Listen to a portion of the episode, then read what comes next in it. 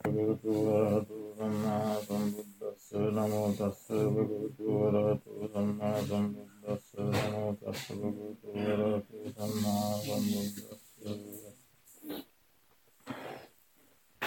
දැන් අපි පහුගිය දවස්වල සතිපට්ඨාන සූත්‍රය ඉගෙන ගත්තා. එහි පටික්කූල මනසිකාර පබ්බයේ කොටසක් සාකච්ඡා කළා. තව සාකච්ඡා කරන්න කොටසක් තියෙනවා. ඒ කොටස අනිත් දෙන්නත් ආවෙන් පස්සේ සාකච්ඡා කරන්න කියලා.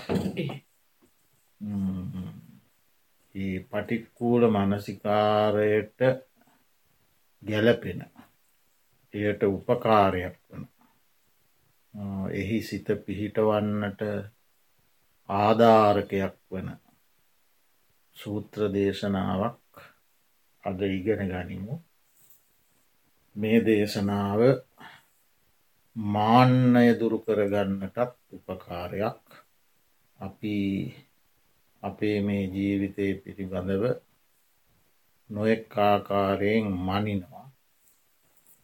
තනවත්කමින් බලයින් උගත්කමින් ශරීර වරණයෙන් ලාභ සත්කාරයන් ලැබීමෙන්. බොහෝ දෙනා වර්ණනා කරන නිසා රූපවත් බව නිසා ධනධාන්‍ය සම්පත්වලින් ආඩ්‍යවීම නිසා බොහෝ ජනයා පිරිවරාගත්ත පරිවාර සම්පත් ඇති නිසා ලාභ සත්කාර කීර්ති ප්‍රසංසාවන් ලැබීම නිසා බොහෝ දේ දන්නා බව නිසා අපි අපේ ජීවිත පිළිබඳ මාන්නයක් අනිකාට වඩා උසස් කොට සැලකීමක් ලෝකයා තුළ තිබෙන. ඒ මාන්‍යය අනාගාමී මාර්ගඥානයෙන් තමයි නැතිවයන්. අරහත් මාර්ගඥානයෙන් නැතිවයන්. රූපරාග අරූපරාග මාන උද්දච්ච අවිද්‍යා. ඒ සංයෝජන පහම ශයවන්නේ දුරුවන්නේ ප්‍රහාණය වන්නේ අරිහත් මාර්ගඥානය. එතෙක්ගේ මාන්නය එක එක්කනා තුළ අඩු වැඩි වශයෙන් තියෙන. සමාරයකි වැඩි සමාරයාගේ අඩු. ඉතින් ඒ මාන්‍යය අවම කරගන්න මාන්‍යය යටපත් කරගන්න අද අපි මේ ඉගෙන ගන්න සූත්‍රය බොහෝ උපකාරවත් වෙනවා. ඒ වගේම පංචකාමයන් පිළිබඳ ඇතිවන රාගය ඇල්ම දුරුකරගන්ටත් තුනී කරගන්ටත් යටපත් කරගන්ටත් මේ දේශනාව බොහෝම උපකාරයක් ආධාරයක් වෙනවා. මේ දේශනාව බුදුරජාණන් වහන්සේ තැන් දෙහෙකදී දේශනා කළා. තැන් දෙහෙකදී. ශාක්‍ය කුලේ හිටිය ආනන්ද මහරහතන් වහන්සේගේ නංගි කෙනෙක් නන්දා කිය. ඒ වගේම සාක්‍ය කුලේ තවත් කෙනෙක් හිටිය ස්වාමයා මියගිය ඉතාම ලස්සන සිරුරක් තිබුණ අභි රූපනන්දා කියලකෙන. එමෙන්ම නන්ද කුමාරයත් එක්ක විවාහ ගිවිසගෙන හිටපු ජනපද කල්්‍යයානී නන්දා එතවට නන්දල අත්තුන් දෙනයි. නන්දා අභිරූපනන්දා ජනපද කල්්‍යයානී නන්දා. මේ තුන් දෙනාම මහනව. දෙන්නෙක් මහන වනේ ශ්‍රද්ධහ වෙන්නේ. අභිරූපනන්දා මහනුනේ ස්වාමිය මල නිසා. ජනපද කල්්‍යයානී නන්දා මහන වනේ නන්ද කුමරු මහන වන නිසා. මහා ප්‍රජාපති ගෞතමය මහන වන නිසා. ඇයත් ඉතින් මංමොකටද ගිහි ජීවිතයන්නේ කියල මහන වෙලා බුදුරජාණන් වහන්සේ දකින්නටවත් එන්ඩ කැමති නෑ. මොකද මේ බුදුරජාණන් වහන්සේ රූපයේ දොස් කියනවා. එගොල්ල රූපමදයෙන් මත්වෙලා හිටිය අභිරූපනන්දත් ජනපද කල්්‍යයානි නන්දත් දෙදෙනා. ඒ නිසා බුදුරජාණන් වහන්සේ දකින්න බුදුරජාණන් වහන්සේගෙන් ධර්මශ්‍රවනය කරන්න එච්චර කැමැත්තක් දැක්වේ නෑ. ඉතිං බුදුරජාණන් වහන්සේ මහා ප්‍රජාපති ගෞතමයට දැන්වා වාර ක්‍රමයට භික්‍ෂුණීන් එවන්ට කියලා ධර්මශ්‍රවනය කරන්න. ඉතිං මේ දෙන්නා මොකද කරන්නේ තමන්ගේ වාරයටත් වෙන කෙ යන්නේ නෑ. ඉට පස්සේ බුදුරජාණන් වහන්සේ නියම කළා තමන්ගේ වාරයට අන්න අය නොයවිය යුතුයි තමන්ගේ වාරයට තමන්ම පැමිණි. ඉතිං එතෙන්දී බුදුරජාණන් වහන්සේ උපක්‍රමශීලීව දෙවගනක් බඳු සිරුරක් ඇති කෙනෙ භාග්‍යවතුන් වහන්සේට පවන් සලන ආකාරයක් පෙනෙන්නට අධිෂ්ඨාන කරලා ඒ රූපය කෙමෙන් කෙමෙන් කෙමෙන් කෙමෙන් කෙස් සුදු වෙලා අමරැලි වැටිලා දත්දිරලා ජරාජීර්ණ වෙලා ඒ ශරීරයේ බිඳ වැටීමේ ස්වරූපය පේෙන් අධිෂ්ඨාන කලාම එතෙන් ඇගේ මානය ජනපද කල්ලයන්. ඇගේ මානය බිඳ වැටුන හම බුදුරජාණන් වහන්සේ මේ සූත්‍ර දේශනාව දේශනා. එතනදී. ඒ දේශනාව විජය සූත්‍රය. කාය විච්චින්දක සූත්‍රය කියලත් කියන. කය නොයෙක් කොටස්වොලට බෙදා දේශනා කළ සූත්‍ර දේශනා කොටස් කරලා පෙන්වූ. ඒ දේශනා කළ එක තැනක්. ඊළඟට සාලවතී කියලා හිටියා ගනිකාවක්. ඒ ගනිකාවගේ දුව තමා සිරිම. ජීවක වෙද මහත්මයාගේ නංගි. ඉතිං මේ සිරිමා ගනිකාව බුදුරජාණන් වහන්සේගේ ධර්මය හලා සෝවාන් පලයට පත්තු. ඉන් පස්සේ ඇය දිනපතාම භික්‍ෂූන් වහන්සේලා අටනමකට තමන්ගේ නිවසේ දම් පිරිනැම. සෝවාන් වනාට පස්සේ. හැම දිනකම අටනමකට දානය. ඉතිං මේ සිරිමාව පිළිබඳව එක ස්වාමීන් වහන්සේගේ හිතේ බලවත් රාගයක් කටගත්තා. ඇය බොහෝම ලස්සන කෙනෙ. ඇය දැන් ගනිකාවෘතිය අතහැරලා සැදැහැවත් ශ්‍රාවිකාවක් ලෙස දානයේ පිරිනමමින් කටයුතු කරනවා. ඉතිං ඒ ස්වාමීන් වහන්සේ උකටලී බවට පත් වුණා. මාන ජීවිතය පිළිබඳවත් ජීවිතය පිළිබඳවත් ලොකූ කල කිරීමක් නොයල්මක් උන්වහන්සේට ඇතිවුණ. පස්සෙ මේ සිරිමාව මිය පරලෝ ගිහිල්ල යාමදිවිය ලෝකයේ සුයාම කියන දෙවියන්ගේ දේවිය දෙවගන බවට පත් වනා කියලා අට්ට කතාවේ සඳහන් වෙනවා. සොයාම දෙවියන්ගේ දෙවගෙන. ඉතින් මේ උකටලී භාවයට පත්වන ස්වාමීන් වහන්සේ අරමුණු කරගෙන මේ සිරිමාවගේ මලකුණ වෙන්දේසි කරලා බුදුරජාණන් වහන්සේ ඒ මලකුණ කිසිවෙක් ගණ්ඩ ඉදිරිපත් නොවන අවස්ථාවේ අන්තිමට කහවනු භාගේ දක්වා පහතහෙලල ඒත් ඉදිරිපත් වන්නෑ කවුරුත් ගන්න. ඒ වෙලාවෙත් බුදුරජාණන් වහන්සේ මේ විජය එවත් කාය විච්චින්දක සූත්‍රය දේශනා කළා. ඒ ස්වාමීන් වහන්සේට. ඕම අවස්ථා දෙකදී ජනපද කල්ලානිටත් මේ ස්වාමීන් වහන්සේටත් දේශනා කළ සූත්‍රයක් මේක පටික්කූල මනසිකාරී ගැනගන්නකොට ඒකට උපකාරයක් ආධාරකයක් වශයෙන් හොඳ සූත්‍රයක්. මොකදද මේකින් කියන්නේ? තරංවා යදිවාතිටං නිසින්නෝ උදවා සයන් සම්මින්ජේති පසාරේති ඒසා කායස්ස ඉංජනා ඔන්න පළමිනි ගාථාව. චරංවා එකන්නේ යන්නේ මේ ශරීරයේ යනවා ඉදිරියට යනවා. තිට්ටහන් මේ ශරීරයේ සිටිනු යෑමක් නැතුව සිටගෙන සිටින.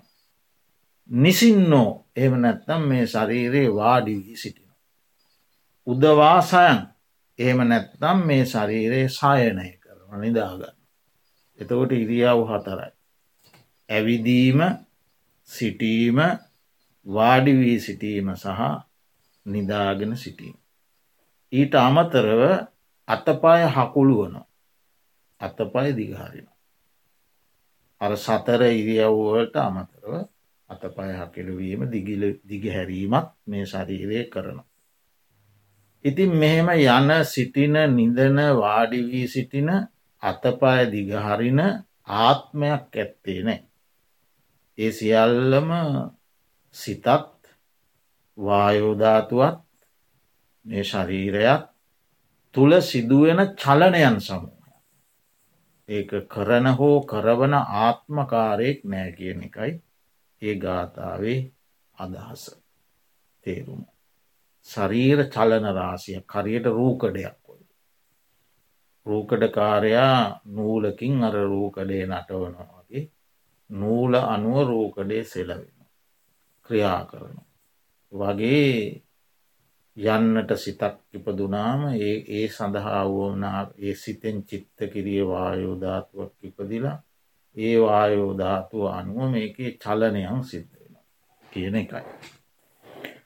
අට්ටිනහාරූ සංයුත්තෝ තසමංචාව ලේපන. චවියා කායෝ පටිච්චන්නෝ යතහා භූතන් න දිස්සති. ඇටවලින් හා තුන්සීයක් පමණ ඇටවලින් නමසීයක් පමණ නහරවලින් බැද මේ ශරීරයේ එහෙමයි හැදිල තියෙන.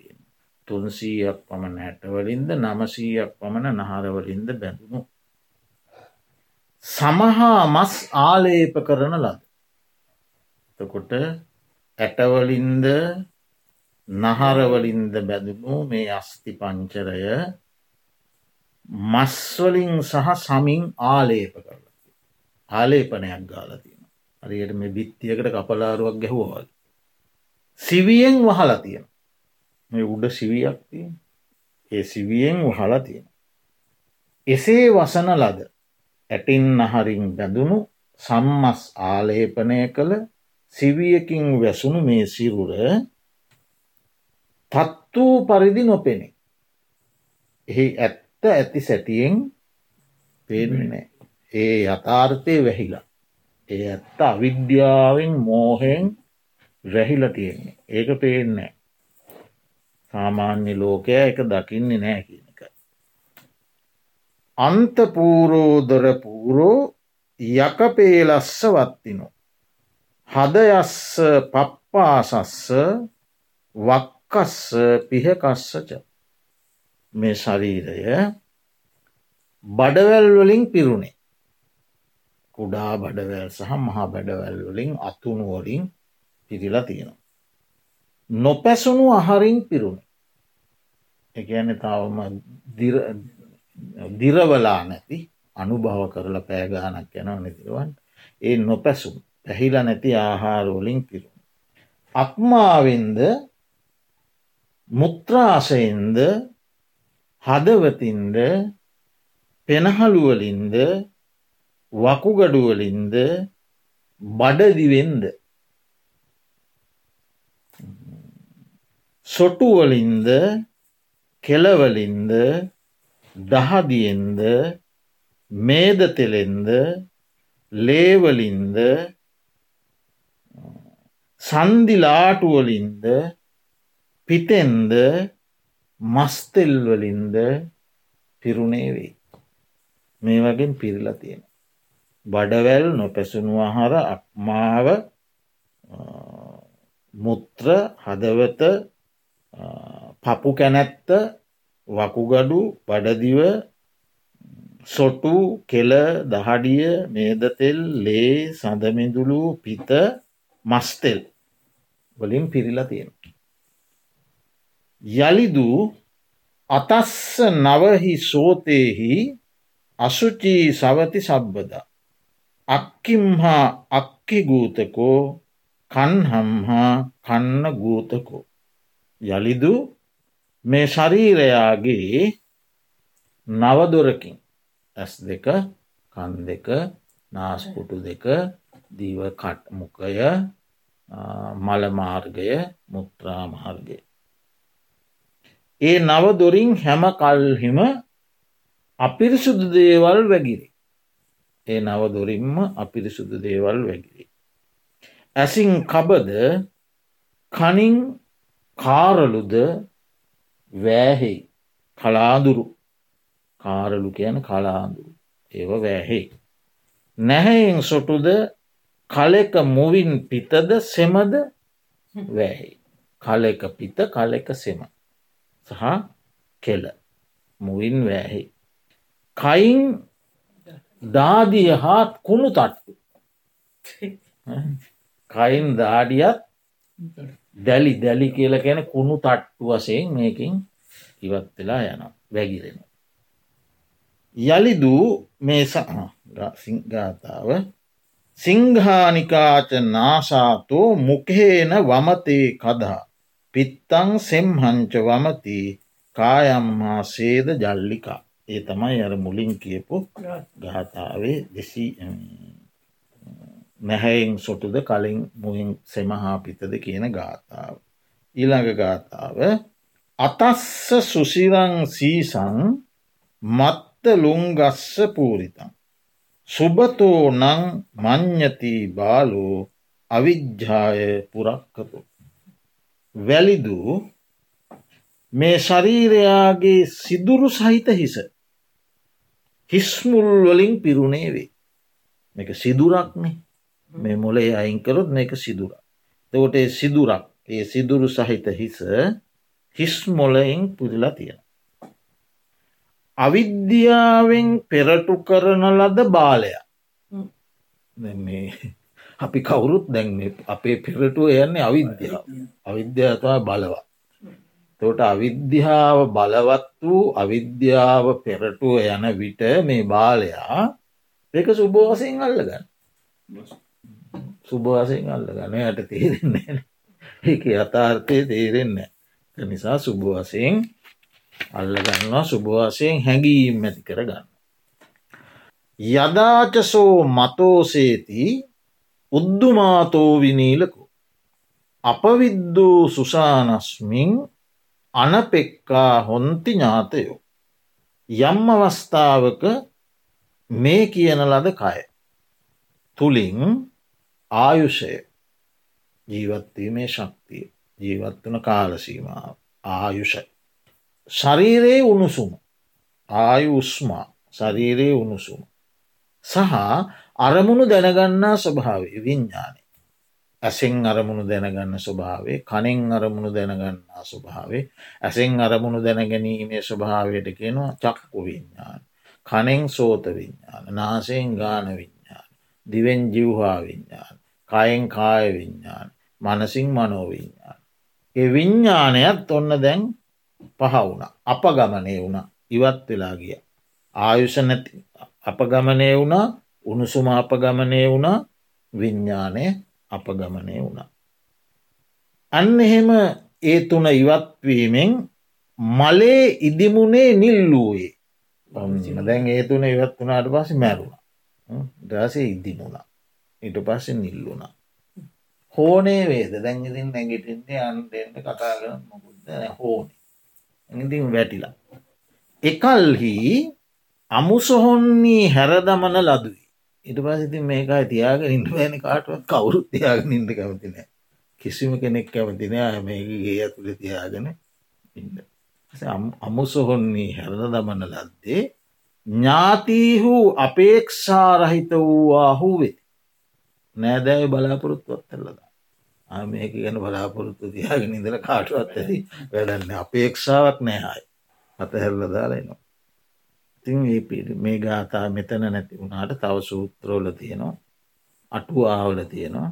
ඊට පස්සේ ඉතින් ඒ නෑදෑ වැවිල්ල නාන මලකුණක් පස්සෙ ගානාන බලකුණක් පස්සෙගයයි කියලා. පස්සේ මල ඉතාම ඉතාම ප්‍රිය මනාප කෙනා පවා හිට පස්සේ නාල පිරිසිදු ඊළඟට කාදන්තිනං ස්වානාච සිගාලාච වකාකිමි. කාකා ගිජ්ජාච කාදන්ති ඒ චං්ඥේ සන්තිපානිනෝ. ඔන්න වැඩි. දැන් නෑදෑ ඔක්කොම අතහැරල දාලා අපේක්ෂාත් හැරලා අවම සුනකයෝද? ඒ කාලෙ හැටියට. ඒ කාලෙ වල ධර්ණය සුනකයෝද සිවල්ලුද? උරකයෝද පනුවෝද කවුඩෝද? ගිජිලුහිනුද කති. එගොල්ලොන්ට ආහාරය වෙනත් ප්‍රාණීහුද වෙත්නම් ඔහුදු ඒ කති. තව වෙනත් ඊට අමතර සත්තු ඉන්නවන ඒගොල්ලොත් මේක කන. සුත්වාන බුද්ධ වචනං බික්හු පඤ්ඥානවා ඉද සෝකෝ නං පරිජානාති යථභූතං හි පස්සති. මේ ශාසනයෙහි විදසුන් නුවනින් යුත් භික්‍ෂුව. බුදු වදන් අසා බුදුරජාණන් වහන්සේගේ ධර්මය හලා අර මුලින් කිව්වේ කාරණය ඒගැන මේ ශරීරයේ පිළිබඳ අර මුලින් කිව්ව කරුණු ටික ඒ බුදු වදන් තුළින් දැනගන්න අය බුදුරජාණන් වහන්සේගේ ධර්මය හල දැනගන්න. තත්තු වූ පරිදි ඇත්ත ඇති සැටියෙන්ම.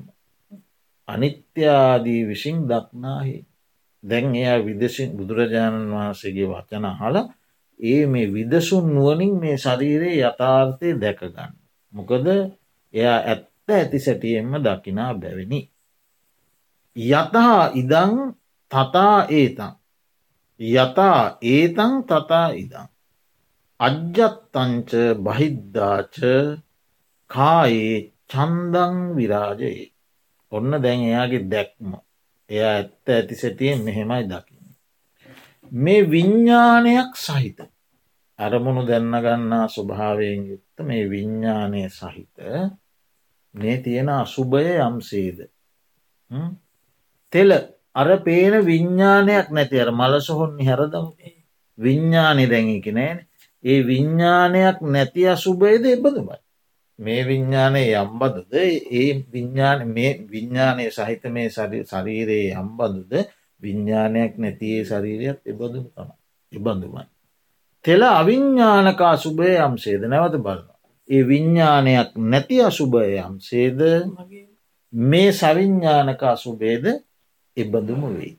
මේක යම් බඳුනං ඒකත් එබඳුයි. ඒක යම් බඳුනං මේකත් එබඳු. ඒකින් කියන්නම කක්ද. දැ මේ සිරුර යනවා. දැම් විඤ්ඥානය සහිත සිරුර යනවා. එනවා. වාඩි වෙනවා. කතා කරනවා. නිදනවා. හිටගෙනන්නවා අතබයදිගහරෙනවා ආහාර අනුභව කරනවා. සිතුවිලි සිතනවා. සියල්ල කරනවානි. රූප දකිනවා. සබ්දාහනවා ගඳ වෙදිනවා රස ලබනවා ස්පර්ශ ලබනවා චේතනා ඇති කරගන්නවා. ඒව ඔක්කොම අරකත් ඉස්සර කලා අර දැන් අර විඤ්ඥානයක් නැති අසුබේ මේ මම දැන් කරන සියල්ල ඉස්සර කලා. එසේර මෙයා කලා දැන් නොකලට. තකොට මේකයි ඒකයි එහෙමයි ඇ බල. ඊළඟට බලනවා ඒක දැන් යම්සේද දැ මොකුත් නෑවා. දැ යන්නෙත් නෑ එන්නෙත් නෑ ගන්නෙත් නෑ ගුන්නෙත් නෑ තිතන්නෙත් නෑ ඉඳගන්නෙත් නෑ ඉටගෙන ඉන්නෙත් නෑ විදින්නෙත් නෑ කතා කරන්න දැ මොකුත් බෑ. දැන් ඒක දැන් ඒ බඳුනේ ඒ ඒදේ මේකටත් වෙනවා. මේකටත් ඒදේ මේකත් ඒ තත්වයට පත්වෙනවා. ඒ විදිහට මේ දෙක සංසන්ධනය කරනවා යා. මේ අම්සේද ඒසේමයි ඒ අම්සේද මෙයත් එසේමයි. අධ්‍ය ආධ්‍යාත්මික වූද බාහිය වූද සිරුරෙහි චන්දරාගේ දුරල. ආං ඒ විදියට එයා හිතලා කවුද එහෙම හිතන්නේ විදර්ශක භික්‍ෂුව. එහෙම හිතලා ඒමා නුවනින් දැකලා අනිත්‍යාදී වශයෙන්යා තීරණය කරනවා. මේ ශරීරයේ පිළිබඳව සහ අන් ශරීර පිළිබඳව. එයා එයා ඔන්න එයා ඉස්සරලාම කරනවා ඒක දකිනවා ඥාත පරිඥායකට කියන්න. ඒක නුවනින් දකිනොය මෙහෙමයි මෙහෙමයි කියලා එයා දකිනවා. දැකලා එකැන දැනගන්නවා මුලින්. දැනගෙන ඊට පස්සය තීරණය කරන. කොහොමද තීරණය කරන්නේ අනිත්‍ය වශයෙන් දුක් වශයෙන් අනාත්ම වශයෙන් අසාර වශයෙන් අසුභ වශයෙන් දැ මෙතැන් දින ගොඩාක් අසුභ වශයෙන්ය ඒකට කියන තීරණ පරිඥා එය නොයෙක් නොයෙක් නොයෙක් නොයෙක් විදිහට මේක අසුභ වශයෙන් මේක මේ කෙස්ලොම් නිය දත්ම සම්මස්නාරයට ඇයට මිදිරුවකු ගඩු හදවතක් මාව දලබෝ පිත්තාසේ පිනාවරු මේ විදියට මේවා කැඩිල්ල බිඳිල විනාශ වෙලා දිරලා කුණු වෙලා ජරා ජීර්ණත්වයට පත්වෙලා යන දේවල් කියල ඔන්න එය තීරණය කරනවා. මුලින් ඥාත පරිඥ්ඥාවෙන් දැනගන්නවා තීරණ පරිඥ්ඥාවෙන් තීරණය කරන. තීරණය කරලා දැන් එයා දැන් එයා හොඳ නිගමනයකට එනවා. පිළිබඳව හොඳ දැන් නිගමනයකට ඇවිල්ල දැනගන්නවා තීරණය කරනවා. තීරණය කරලා එහෙමනම් මේක ඇල්මක් වැඩක් නෑ කියලා පහන පරිඥ. පහන පරිඥා ගැන මේක චන්දරාගේ අතහැරලදා අතහැරලදා. තොට අජ්ජත්තිකකාය අජ්ජත්තිකය තමාගේ කයේ චන්දරාගේ දුරු කරන. බහිද්ධාකාය තව ලෝකයේ යම්තාක් ඇත්නම් කයවල් ඒ සියලු කායවලත් තියෙන චන්දරාගේ දුරු කරන. ආධ්‍යාත්මික වූද බාහිය වූද සිරුරෙහි චන්දරාගේ දුරලන්න. තමාගේ සිරුරේද බැහැර සිරුරෝලද කිසිම සිරුරක චන්දරාගයක් ඉතිරි කරගන්න නෑ. ඇයි එයා ඥාත පරිඥ්ඥාව කරනවා තීරණ පරිඥ්ඥාව කරනවා පහන පරිඥ්ඥාවෙන් දුරු කරලදාන. ඥාත තීරණ පහන්. බුදුරජාණන් වහන්සේ එක් අවස්ථාවක දේශනා කළා රූපය ඥාත පරිඥ්ඥා වශයෙන් දක්නේ තීරණ පරිඥ්ඥා වශයෙන් තීරණය නොකරන්නේ පහන පරිඥ්ඥා වශයෙන් ප්‍රහාණය නොකරන්නේ ඔහු දුක් දුරු නොකරයි. එතවට දුක් දුරු කරන්න මේ තුන අවශ්‍යයි. ඥාත තීරණ පහන්. දැනගැනීම ඒ ස්වභාවය තීරණය කිරීම සහ එහි තියෙන චන්දරාගේ ප්‍රහාණය. ආං ඒ තුන සම්පූර්ණ කරන එක්කන දුක් දුරු කරලදාන. එතවට දැම් මේ භික්‍ෂුව අන්නේ විදිහට මේක තීරණය කරලා අජ්ජත්තික බාහිර සිවුලු සජුතේ චන්දරාගේ දුරු කරන. චන්දරාග විරත්තෝ සෝභික්කූ පඤ්ඥවා ඉද පඤ්ඥනවා ඉද. චන්දරාග විරත්තෝසෝ බික්කු පඤ්ඥානවා ඉද. අජක්ගා අමතං සන්තිං නිබ්බාන පද මච්චුතං. අන්න මේ ශාසනයෙහි අරිහත් මාර්ගඥාන නුවනින් යුක්ත ඒ භික්‍ෂුව චන්දරාගෙන් වෙන්න වූයේ අමුෘත නම් වූ අමුෘත නම් වූ ශාන්තිය වූ පරම ශාන්තිය අයතනින් එහට ශාන්තියක් නෑ පරම ශාන්තිය වූ චුත්ති රහිත වූ ගැන මෙතනින් මේ චුතියක්නේ චුතියකින්න උපතකට යන චුතියකින් තමයි උපතකට යන. එතකොට චුත්ති රහිතයි. නිර්වාණයටද පැමිණියේ ඔන්න. එතකොට මේ ශාසනයේ රහත් මග නුවනින් යුක්ත ඒ භික්‍ෂුව චන්දරාගෙන් වෙන් වෙලා අමුෘත නම් වූ ශාන්තිය නම් වූ චුති රහිත වූ නිර්වාණයට පැමිණියේය. දිපාදකෝ යං අසුචි දුග්ගන්දෝ පරිහීරති. නානා කුණප පරිපූරෝ විශ්වවන්තෝ තතෝ තතෝ. අපවිත්‍ර වූ දුගඳ වහනය කරන. නොයෙක් කුණපයන්ගෙන් පිරුණු. අපවිත්‍ර වූ දුර්ගන්ධේවානය කරන නොයෙක් කුණපයන්ගෙන් පිරුණු. ඒ ඒ දොරින් මල වැගිරෙන අපිරිසිදුදේ වැගිරෙන. පාද දෙකක් ඇති. දෙපා ඇති මේ ශරීරේ. සුවඳ කවීමාදීන් පරිහරණය කරු ලබ මේක පරිහරණය කරන නානාවිද සුවඳ දේවල් කවල නැතම් මේක පවත්වා ගන්න බෑ. සුවඳ කැවීමාදීන් පරිහරණය කරන.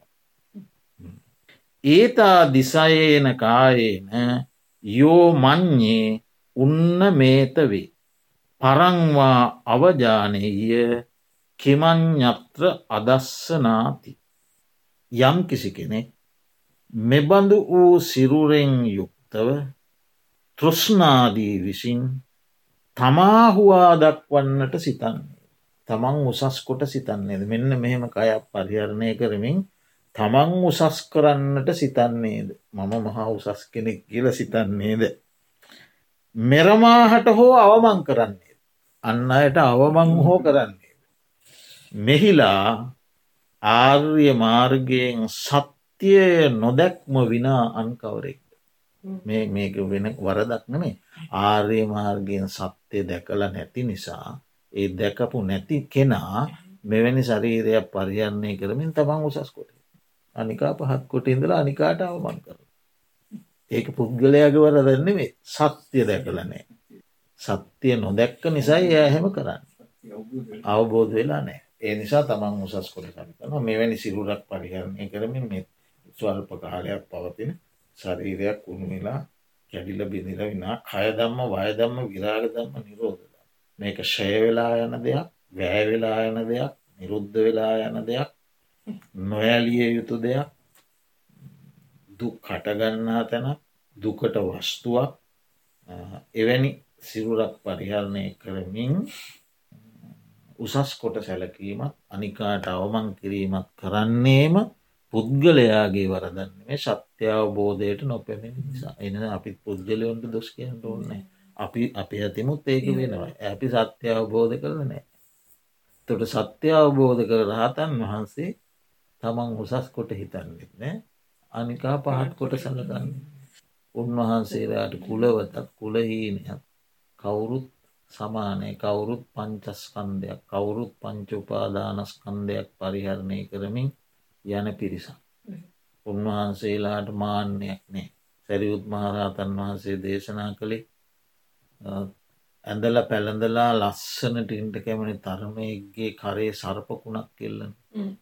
සර්පකුණක් කෙල්වා මේ තරුණයා ඉතා ඉක්මනින් ඒ සර්පකුණ වීසි කරනවා. ඒ සර්පකුණ පිළිකුල් කරනවා මමත් භාග්‍යවතුන් වහන්සේ මගේ ශරීරයේ පාවිච්චි කරන්න එහෙම මේ ගණ්ඩ දෙයන්න ඉති උන්වහන්සේලා බලන්න එහෙමයි. උන්වහන්සේලා අවබෝධය එතකොට පාපිස්නා කඩක දූවිලිත් එහෙනවා ඊළඟට මලත් පිහිනවා.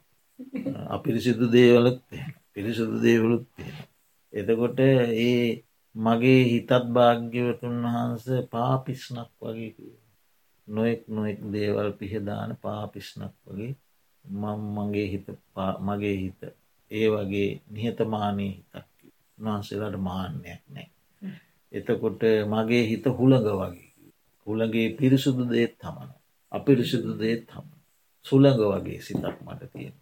ජලය පිරිසිදු දේශ සෝදනවා. අපිරිසිදු දේශ සෝදන. ඒ ජලයක් වගේ හිතක් කිව මට තියෙන.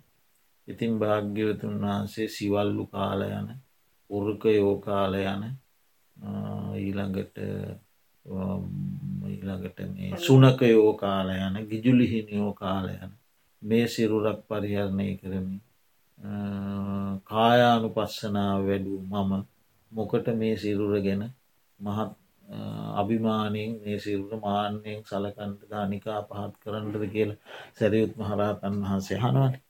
ඉතින් ඒ අවබෝධය ඒ උන්වහන්සේලා ධර්මාවබෝධයට ඇවිල්ලා.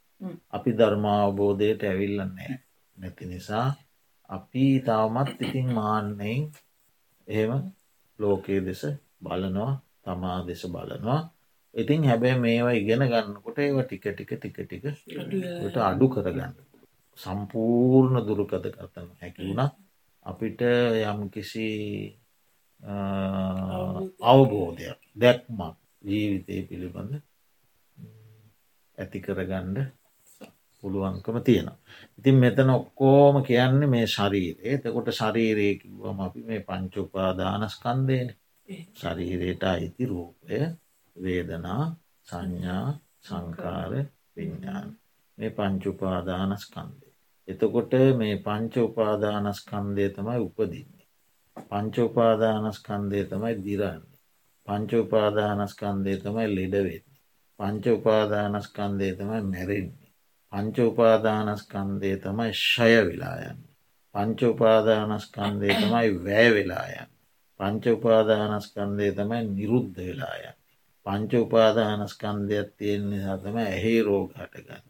පංච උපාදානස්කන්දයක් තියෙන නිසා තමයි කනේ රෝග නාසේ රෝග දිවේ රෝග කයේ රෝග හිසේ රෝග මොකේ රෝග දත්වොල රෝග කාසය සාසේ පීනස දාහය දිරාපත්වීම ඊළඟට හොරි දද කොස්ට කඩුවේගෙන් අහතිී නොය කොස්ට රෝග ඊළඟට වනමුක පිළිකා වැදි කරුණු රෝග අපස්මාරවැනි කර්ම රෝග ඊළඟට වකුගඩු ආබාධ ඊළඟට වර්තමානයේ බහුලෝ දකිින්ට තියෙන පෙනහළු රෝග ඊළඟට දිය වැඩියා මදු මේ හෙනම් වූ රෝග ග්‍රස්ටරයිසිස් වැනි රෝග ඒ නානාවිධ ආදීනවයන්ට මේක මේ වාසස්ථාන මේ පංචෝපාදානස්කන්දයක් ලැබීම නිසා තමයි ඒවා ඔක්කෝ මේකේ දිරණ ලෙඩවන වැයවෙන කැඩෙන බිඳෙන මැරෙන කුණුවන ස්වභාවයන් ඔක්කොම මේක තියෙනවා. කැඩෙන බිඳෙන කුණුවන වැෑවෙලායන ස්වභාවයෙන් ඔක්කොම මේක තියෙන. තුට මේක ලැබවාම ඒ ආදීනවත් මේකට එනවා. ඒවායින් යුක්තයි. ඒ නිසා දැම් මේවාගෙන් අපිට උගන්නන්නේ මේ මෙවන් වූ පංචෝපාදානස්කන්දයක් බියවිය යුතු තැන මේක බියවිය යුතු දෙයක් මේක දුරු කළ යුතු දෙයක්. මේක ප්‍රහාණය කළ යුතු දෙයක්. මේක අල්වාගත අල්ලාගන්ට සුදුසු දෙයක් අතහැරිය යුතු දෙයක්. ඉතිං ඒකයි ඉතිං බුදුරජාණන් වහන්සේ මේ නොෙක් සූත්‍රෝලින් දේශනා කරන්න. අනිත් මේක අනිත්‍යය දෙයක්. ඊළඟට මේක සංකත හේතුවන්ගෙන් හටගත්. මේක දෙවියෙක් විසින් මාරයෙක් විසින් බ්‍රහ්මයෙක් විසින් මවන දෙයන්න මේ පටිච්ච සමුපන්න දෙයක් පටිච්ච සමුපන්න දෙයක්. ඊළඟට මේක කය දම්මන් වය දම්මන් විරාග දම්මන් නිරෝධ ශය වන දෙයක් වැෑ වන දෙයක් නොඇලිය යුතු දෙයක් විරුද්ධ වී යන ස්වභාවයෙන් යුක්ත දෙයක්. මොකදද මේ පංචුපාදානස්කම. ඉතිං බුදුරජාණන් වහන්සේ අවස්ථාවක දේශනා කළ මේක වදක දෙයක්. වදක වදක ඒ කියන්නේ යම් කිසි ධනවත් පුද්ගලයකින්. ඒ ධනවත් පුද්ගලයා මරන්නට විනාශ කරන්නට කැමති පසමිතුරේ වදකේ වදකයෙක් උපදිනවා. ඒ වදකයාට අවශ්‍යය මේ ධනවත් පුද්ගලය විනාශ කරන්න. හැබැයි ඒ ධනවත් පුද්ගලයාට ධනය තියෙන නිසා බලය තියෙන නිසා හොඳ ආරක්ෂක සංවිධානයක් සිටින නිසාත් ඔහුට ලේසි නෑ මොහු විනාසක. ඒ නිසා ඒ වදක පුද්ගලය කල්පනා කරනවා මේකට උපක්‍රණය කල්පනා කරලා මෙයාට මිත්‍ර වෙන. මිත්‍ර වෙලා කියනවා පින්වත මම කැමති ඔබට උපස්ථාන කර. ඔබට සලකන්න ඔබ රැක බලාගන්න. ඉතින් එයාගේ වදන්වලට රැවටුන අරදනවත් පුද්ගලය ඔහු උපස්ථානයට බඳවාගන්න. ඔහු ඉතිං උදෑසන නැගිටලා කළ යුතු කාරයන් කළලා ආහාර ළඟට ගෙනල්ලා පාදෝවලා අරයාගේ සියලූම උපස්ථාන කටයුතු කරන. කරැම් පස්සේ හොඳටම විශ්වාසවන්තුනට දැන් ඒ ධනවත් පුද්ගලයට මෙයා නැතුව බැරි තත්වයට පත්වෙන. ඒ නැතුව බැරි තත්වයට පත් වෙලා හොඳටෝම විශ්වාසනාට පස්සේ සැතකින් ගැනල හු ඝාතනය කළ. හරි බුදුහාමුරු දේශනා කරනවා අර වදක පුද්ගලයා මොහු මරන්නට සිතන කොටත් වදකයාම. මොහු සමඟ මිතුරු වෙනකොටත් වදකයාම. මොහුට ඇප උපස්ථාන පාසෝදා පිසදා ගරුබෝමන් දක්ව ඇප උපස්ථාන කරන කොටත් වදකයා. සැතින් එල්ල මරණ කොටත් වදකයා. හැබැයි ඔහුට අඳුන ගණඩ බැරිවුණා මේ වදකෙක්කේ. එතකොට ඔහුගේ නොහඳුනනකම ඔහුට අඳුරන්න බැරිෙන. හැබැයි ඔහු හර හැම අවස්ථාවක වදකේ සලකනකොටත් වදකේ. ඒ වගේ ඉතින් මේ පංචෝපාදානස්කන්දය සහිත මේ ශරීරයේ වදක ශරීරය. වදක. මේක සුකවේදනාවිඳෙන කොටත් වදක තමයි. දුක්වේදනාවිඳෙන කොටත් වදක. මැදහත් වේදනාවිඳෙන කොටත් වදක. කැමති රූප හඳුනාගන්න කොටත් වදක. කැමති ශබ්ද හඳුනාගන්න කොටත් වදක. ඇයි අනිත්තේ ඉතින් ඒ විදිහට ඉතින් බුදුරජාණන් වහන්සේ මේකේ අසුභය පටික්කූල මනසිකාරයට සමානව යන. මේ අශුභය දේශනා කළාම ඉතිං අර ස්වාමීන් වහන්සේට ඒ වැඩ සහිත වුණා. ජනපද කල්්‍යයානී නන්දාතුමත් රහත්මේනින් වහන්සේ නම. ඒගොල්ලොන්ට පුළුවන් වුණා මේ අල්ල ගන්න අවබෝධ කරගන්න පුළුවන් වුණා. ඉති සංසාරයත් ඒව පුරුදු කරලාපු අයන.